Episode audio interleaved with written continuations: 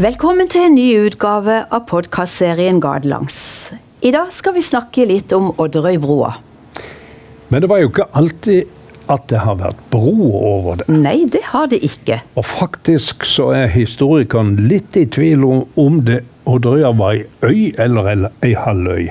Men det var jo en kanal. Ja, og den var så smal i gamle at det var umulig å komme gjennom den. Så det første offentlige tiltaket i byen, det var å grave ut den kanalen. Derav navnet Gravene. Fordi for både å kjøre fra Østerhavna til Vesterhavna gjennom den kanalen, det var jo mye mer hensiktsmessig og tidsbesparende enn å kjøre rundt Selvfølgelig var det det. Så vi vet at allerede i 1673 så var den i alle fall såpass at Bårdå kunne komme gjennom. Og da var det Susanna Pedersen som fikk lov å bygge et bitte lite hus og skulle holde oppsyn med kanalen. Ja, og hun tok vel til og med inn uh, Bompenger, ja, det har det vært fra Ja. tidenes morgen, og etter at Susanna var borte, så ble det ansatt en kanalmester. Ja, og så vet vi jo det at på, tidlig på 1800-tallet så ble faktisk kanalen steinsatt på begge sider. Og det ble øh, lagd en trapp også, sånn at det gikk an å laste og losse på en grei måte der nede når varer skulle transporteres til eller fra, fra Kvadraturen. Og for eh, å kunne transportere både varer og mennesker, så var det ansatt en ferjemann. Og i mange år så var det Kiddel ferjemann. Ja, og, han, tok vel betalt? ja, han tok også betalt, men det var ikke så voldsomt stor uh, lønna han skulle ha. To øre turen kosta det, og ble rodd mellom Odderøya og, og, og selve byen. Etter han kom der andre ferjemenn. Jens Aanensen skal visst ha vært den siste. Og han tror jeg bodde inne i byen. Det gjorde han, ja. Ja, det gjorde han. Men så var det jo sånn at det militære hadde jo inntatt store deler av Odderøya. Og de hadde behov etter hvert for å få en fast broforbindelse. Og i tillegg så var jo badehuset Skjøllist helt på vestsida i full aktivitet. Ja, Og så kom jo peisestua også, Ja, i- helt på slutten av Ja, ja, men- 1800-tallet. ja. Så det var egentlig mange som gjerne ønska at det skulle komme en fast broforbindelse. Og så tok det militære tak i den tanken, og fikk bygd helt tidlig på 1900-tallet, 1901-02, så fikk de bygd ei eh, jernbro mellom byen og Odderøya. Og den var en spinkel affære. Og han var heller ikke noe særlig vakker å se på. Så folk i byen kalte han for et heslig skabilken. Å ja. Men så var det, eh, så var det svingbro.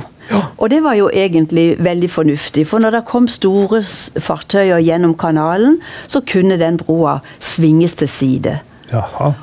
Du vet sikkert at fremdeles så ligger fundamentet til den spring, eh, svingbroa ligger i Gravane-kanalen. ligger, men det måtte jo være noen til å så svinge den Ja der visst måtte det det. Og der var det jo en bromann etter hvert som ble ansatt eh, for å gjøre den jobben. Men eh, tilbake igjen til selve broa, så var den eh, såpass eh, ruglete og ustødig at der sto for sikkerhets skyld et skilt også på den broa som sa noe om at militæravdelinger de måtte gå i utakt over broa. Og kom der en hest, så måtte han gå i skritt ikke i galopp over, for de var redd for at kanskje han skulle rase sammen. Akkurat. Akkurat. Men tilbake igjen til bromannen, da, som ja, du nevnte. men uh, han måtte jo bo et sted. Ja da, og han fikk et lite hus på Odderøy-sida. Rett over der hvor broa eh, endte. Omtrent der plenen er i dag. Ja, det kan du godt si. Der sto der et lite hus som bromannen fikk til sin disposisjon. Og, og eh, bromannen hadde jo da litt av en jobb, egentlig. Han eh, måtte med håndkraft svinge denne broa til side når det kom store fartøyer, og det tok han fem minutter. Og guttene i byen syntes det var veldig stas hvis de fikk lov å hjelpe bromannen med akkurat den jobben der. Ja. Dette lille huset sto ferdig så tidlig som i 1905. Og den første bromannen, det var en mandalitt. Han het Torn Reinhardt Olsen. Var det han som var gift to ganger? Ja, det var han. Og han fikk først tvillinger, og han fikk flere barn i neste ekteskap. Så familien ble ganske stor. Og i det bitte lille huset Ja, det ble var jo så lite. Ja, kjære. Det ble så trangt om plassen. Så søkte han om å få lov å utvide huset, og så fikk han lov til å bygge ett lite soveværelse til. Akkurat. Og da måtte han og familien være fornøyd med det. Eh, I 1923 så kom der en brovakt som heter Sakariassen. Herman Sakariassen. Og han også eh, Han var tidligere sjømann, hadde vært styrmann i mange, mange år. Og da han kom eh, til brohuset, så hadde han med seg sin kone Tomine, og så hadde han to sønner. Den ene var Herman, og den andre var Walter. Og, dis, eh, så var det jo sånn da at når det kom en eller annen form for eh, større skip som skulle gjennom, og bromannen ble nødt til å trå til, så var det jo ofte at fartøyet ga et signal, enten med et støt fløyta eller med, på en eller annen måte. Jaha. Og da eh, for Sakariassen opp, han hadde jo god dag vanligvis, og satt i sin eh, stol der og hadde det veldig bedagelig. Men så for han opp når han hørte signalet, på med lue, på med jakke, og ut og begynne å sveive. Men så var det nå sånn da at eh, sønnen Herman han eh, ble så interessert i å spille tuba. Han heter vel Herman Kåre? Ja, det gjorde han faktisk. Ja. Han heter Herman Kåre. Og han eh, var veldig, veldig interessert i musikk, og han fikk en tuba. Oi. Og han måtte jo stadig øve på denne tubaen ute i det lille brovakthuset. Og så fortelles det da en gang om gamle gamle brovakten eh, som satt i sin stol og slappa av og venta på at ting skulle skje. Og så hører han vel noen lyder. Han hører noen ordentlige brummelyder og tenker nå er det et stort nå kommer det en båt. Ja, nå er det en stor båt. Og opp av stolen og de vanlige rutiner, og ut og begynne å svinge broa til side, og så er det ikke noen. Og så viser det seg da at det er sønnen som øver tuba i bro, eh, bromannens hus. Jaha, da tenker jeg det var fort slutt på øvinga. Det ble ganske fort slutt på øvinga. Jeg forstår. Var den samme Kåre eh, keeper i vigør? Det er ikke jeg sikker på. Nei. Det er mulig Nei, det er mulig at du gjør det. Ja, nei, for det var vel Ja, kanskje det var det. Ja. At det var han som var den legendariske Sakko. Sakko, ja. Ja, det kan godt være. Ja. Jo, det var nok det. Ja.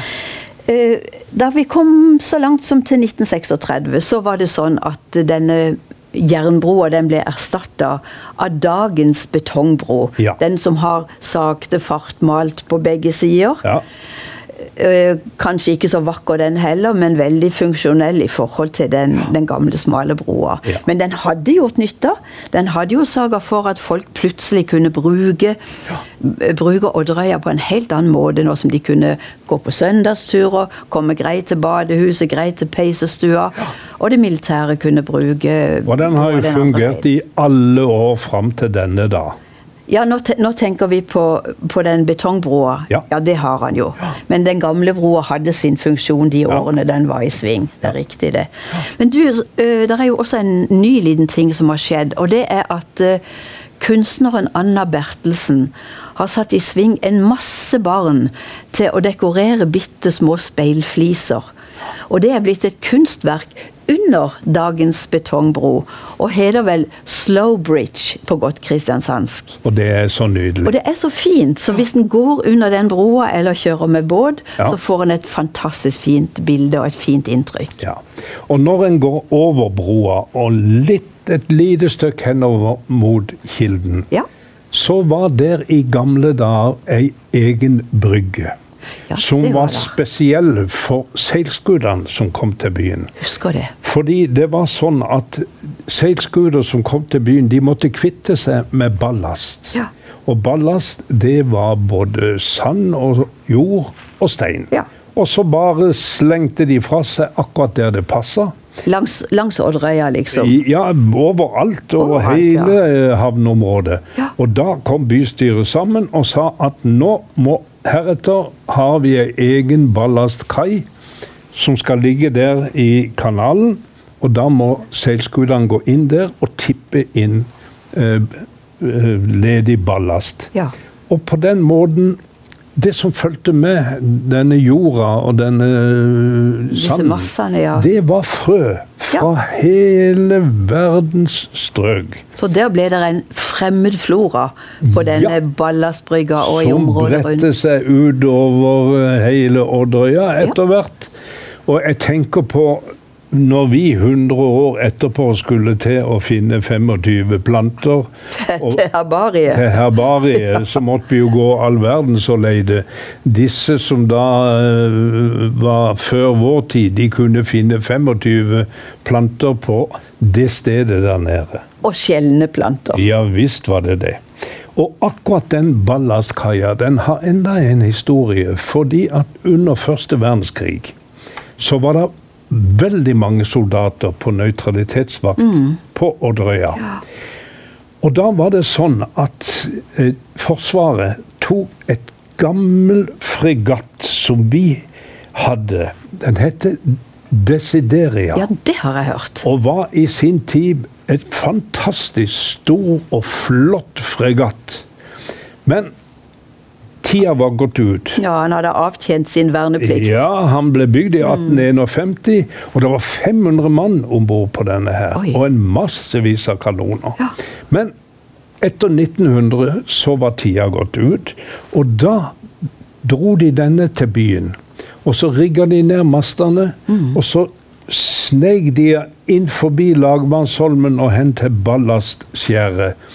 Og der satt de tak over. Ja vel? Og så var det losjiskip for soldater som var inne og tjenestegjorde på Odderøya under første verdenskrig. Og det er jo en idé som faktisk også lever i dag. Det å bruke skip som eh, Ja, ja, ja. overnattingssted for turister eller for gjester som kommer Ja. til byen. På samme stedet så overtok Lektorkompaniet i vår ungdom. Nå hadde det jo vært slepebåter eh, som hadde eh, vært aktive med tømmeret vårt i helt siden tidlig 19 1800-tallet. Tømmerflåter og tømmer som skulle bukseres rundt forbi. Og på begynnelsen av 1900-tallet så var det i Vesterhavna. Ja. Men i 1960 så flytta eh, det over Lektorkompaniet, ja. over til eh, denne samme brygga. Og mange vil sikkert huske familien Boje, som drev disse små slepebåtene Ja som var i aktivitet på havna vår. Ja visst, ja visst. Men hvis vi nå snur ryggen til ballastkaia og går tilbake igjen mot broa, og ikke tilbake til byen, men bare på den andre sida av broa, så kommer vi til Nodeviga. Nodeviga Ja. Det gjør vi. Store Nodeviga og Lille Nodeviga som ligger på utsida. Og øh, veldig tidlig, allerede på 1700-tallet, så ble denne flotte bukta, for det er jo ei flott bukt eller vig, ja, den er så skjerma for Ja, vær og vind, og ideell. Så den ble brukt til tømmer. Til å, å, å ha opplag av, av tømmer, eller reservelager av tømmer. Og så lå der en, en svær bom som var festa til land på to steder, og så var altså tømmeret innenfor denne bommen. Og det var vel egentlig noen utvalgte trelasthandlere inne i Kvadraturen som Som tok seg litt til rette. Ja, veldig til rette, egentlig. Og sa at eh, dette er vårt område, her kan vi legge vårt tømmer. Alle andre, hold dere borte. Men jeg kan tenke det ble protester. Det ble det. Det ble det. Det ble mange protester. Eh, Det var jo bygd brygger der inne, to lange brygger i første omgang, og senere også på eh, helt tidlig på 1800-tallet så ble det bygd en tredje. Og den har en liten gøy historie, fordi i forlengelsen av den brygga ble det lagt en liten vei som førte faktisk helt opp til lasaretthøyden. Med, med 96 trappetrinn. trappetrinn Og de ligger der jo fremdeles. Det gjør de. Og du kommer inn, hvis du kommer til topps der, og det er åpen port inn i eh, karantenemuren, så er det altså den trappa der som du kan følge og komme inn på det området der Jeg oppe. skjønner. Men disse protestene fra de andre Ja, du kan si det. Det ble en, en kjempesak, dette her. Og eh, Kristiansand kommune syns også at dette var en urettferdighet. Så de la faktisk an en sak på vegne av de uh, trellashandlerne i byen som ble utelukka. Ja. Og dermed så havna den i Høyesterett. Helt opp. Helt til topps. Og det ble gjort uh, et vedtak der om at all ferdsel skulle være fritt, fritt i Nordviga. Hvem som helst kunne få lov å benytte seg av den gode viga der. Så allmuen hadde rett til å være der. Det hadde de. Ja, Og det samme var det jo på 1900-tallet. I begynnelsen av 1900-tallet så var det fullt av tømmer der inne. Mm. Og da var det jo begynt å bli mange småbåter. Med, med ordentlige motorer. Med ordentlige Ja. motorer. I 1910 f.eks. så ble jo Kristiansand Motorbåtklubb stifta. Ja. For da hadde vi fått lavt de første innbords bensinmotorene. Odderøy-motoren var jo en sånn tre til fem hesters eh, bensinmotor. Og de ville jo gjerne bruke havna. Men der lå det sperra, sånn med bom. Det var trelasthandler. Ja. Men så gikk kommunen inn på båtfolkets side. Og det var vel egentlig den der flotte havnefogden vår, Tønnesen, som, som ga seg i kast med den saken der. Ja, det var det. Det var det. Og enden på visa ble i 1916 så fikk båtfolket Nordviga. Ja. Men først måtte de i gang med en sabla dugnad, fordi det var ikke bare tømmer på overflaten, det var tømmer under vanns i ja, hele bukta. Og så skulle det jo brygger og det ene med det andre. Men etter det så fikk Kristiansand Motorbåtklubb eh, drive i denne her eh, buk i Nodeviga. Etter hvert så kjøpte de seg inn på Prestøya allerede i 1923. Og etter som årene gikk, så ble det mer og mer Prestøya som ble samlingsstedet. Ja, og det tenker, Vi tenker jo det at KMK og, og Prestøya de hører sammen på en måte. Ja, det gjør de i høyeste grad, men altså de måtte kjempe seg inn i Nordviga i sin tid. Når du snakker om motorbåter, så kan jeg snakke litt om kajakk. Fordi at eh, kajakklubben var jo faktisk også knytta til Nodeviga i tidligere tider. I et eh, i et, eh, en gammel sjøbu som lå der nede, så fikk de lov å flytte inn med sine båter så tidlig som i 1936. Og det var stor aktivitet. Det der å kunne padle kajakk, det var like, eh, like populært da som det er blitt i våre dager. Ja, og selv under krigen, de første par årene, vel å merke, Ja, så var det veldig mange. Og jeg vet f.eks. at russen de hadde mange turer med kajakk rundt forbi. Mm. Men så gikk det ikke lang tid før tyskerne satte restriksjoner, og det var jo etter hvert livsfarlig å bevege seg Ja, det, på sjøen. det må det jo ha vært. Ja. Så ble vel denne kajakklubben liggende litt i dødvannet en I periode. mange, mange år etter krigen. Ja, så det var vel først i 67, 1967 at uh, det ble stor aktivitet igjen. Og det er vel ikke feil å, å, eh, å nevne den gode Arnfinn Eigilstad i den forbindelse. Ja. Han ble en fantastisk drivkraft og fikk klubben på, eh, på, på, på vann igjen, for å si det sånn. Og så spredde det seg til hele Sørlandet. Bare tenk på Flekkefjord. Hva det har betydd, ikke minst med OL-medalje og Ja, ikke greier. sant? Både padling og roing, ja. Ja. Det er helt Men det, det. vi er igjen tilbake til det med ildsjeler Ja, det er vi absolutt. som driver absolutt. verket. Og når vi da ser ellers på denne Nodeviga vår, Ja. så er det jo et verksted som Ja, ligger der. I krogen der. Inn i krogen, og det var i 1920 faktisk, at to stykker, det var eh, Østermann og Gavlen hette de, som etablerte et lite verksted der inne, der de produserte denne Odderøy-motoren. Ja, så det var der den ble, ble lavt i Ja. begynnelsen. Og etter hvert så ble jo ansvar for de som drev det verkstedet der inne, med å ta opp båter og finne lagringsplass og reparere osv. Og, og hvis vi går helt fram til 1981, da var det det Sjøsport Service AS Som, som ligger der nå i som 2018. ligger der nå, Ja. og som har leieavtaler med kommunen, som nok snart går ut, men som da har ansvaret for båtopplaget og alt det som har vært. Men du, det der lille hvite huset som du ser, det som ligger liksom i heia mellom selve Store Nodeviga og Lasaretthøyden. Ja, og det er jo ikke, sikkert ikke mange som, som vet at det er egentlig ei tyskerbrake. Akkurat. Tyskerne bygde jo mange brakker rundt forbi.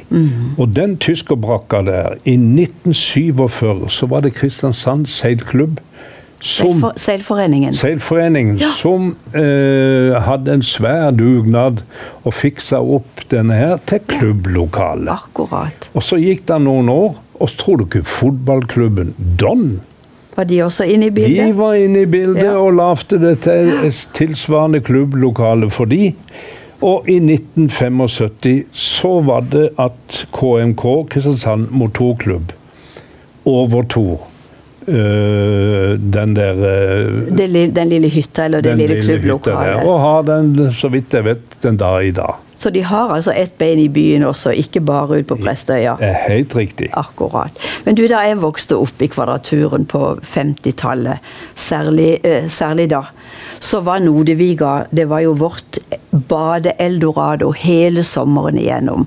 Og da snakker jeg om lille Nodeviga, som ligger på utsiden av båthavna. Akkurat. Det var ikke store, og ikke store bukta, men den var stor nok for oss. Var det rent vann? Ja, det var faktisk det. Vi kunne bade der uten å tenke på noe som helst av det som av uhumskheter som kom rett i sjøen på den tida. Ja, for du kunne ikke bade langs Østerhamna Nei, nei, eller. Vesterhavna. Men i Nordevika kunne du det. Ja.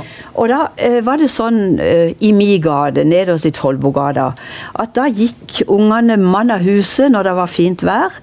Syklene ble lasta opp med tepper og mat og badetøy. Og småsøsken bak på bagasjebrettet. Og guttene, de som var litt tøffe, de gikk eh, eller løp ved siden av og hadde med seg en kjempebadering. Og det var jo egentlig en oppblåst innerslange fra et bildekk. Ja. Med en sånn vond ventil som gnavde uansett hvor han var henne. Ja, jeg var så glad min far hadde lastebil. Ja, så ikke det ble nødvendig med det. Ja, men iallfall så fikk vi jo svære bildekk. Ja, da gjorde det. Og så hadde jo guttene gjerne bade, badelu, nei, skal du høre, badebukser på huet, for det var litt sånn småtøft. Mhm. Og så var det full fart med masse sykler og masse unger og utstyr. Tidlig om morgenen nede i Nordvika, og så var vi der hele dagen. Ut med pledd, ut med matbokser, håndklær og badetøy. Og så bada vi. Lærte å stupe, de minste lærte å svømme. Og de minste, det var jo våre småsøsken som kanskje var så små at de trengte tilsyn hele tida. Ja. Men ingen voksne. Og jeg tenker på at eh, det var jo egentlig en gullalder. Ja. Vi hadde en tillit, vi som var de eldste søsknene i, i søskenflokkene rundt forbi.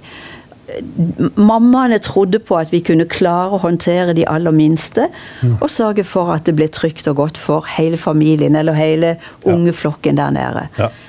Det, er, det er helt utrolig. Jeg tror ikke jeg hadde tort å gjøre noe lignende med, med våre døtre da de, eh, da de vokste opp. Nei. Men det var et eventyr å få lov å være der nede. Ja. Det var det. Men i dag Ja, i dag. I dag er det jo kommet så mye flott eh, nede i både Store Nodeviga og på den odden som går ut imellom Store og Lille. Eh, Jeg tenker for det første på museumshavna som er kommet der nede, dette flotte tiltaket for barn. Ja. Og så tenker jeg på uh, fyrtårnet, Ja. som heter 16 hav og fi, hva heter det, 64 skjepp, sånn cirka svensk. Ja. For dette er altså en gave, dette fyrtårnet som lyser så nydelig på kvelds- og nattestid. Det er en gave fra, eh, så, som eh, Kristiansand Sjømannsforening tok initiativ til i forbindelse med sitt 150-årsjubileum, tror Ja. jeg det var, i 2012. Og så fikk de støtte både fra private sponsorer og fra kommuner og fylkeskommune. Og så ble det altså dette et bestillingsverk til to, to svenske kunstnere. Og det er sånn at du kan på toppen se de 16 store havene, Ja. og så kan du se 64 skip eller installasjoner som har noe med Sørlandet å gjøre. Som har noe med det ja.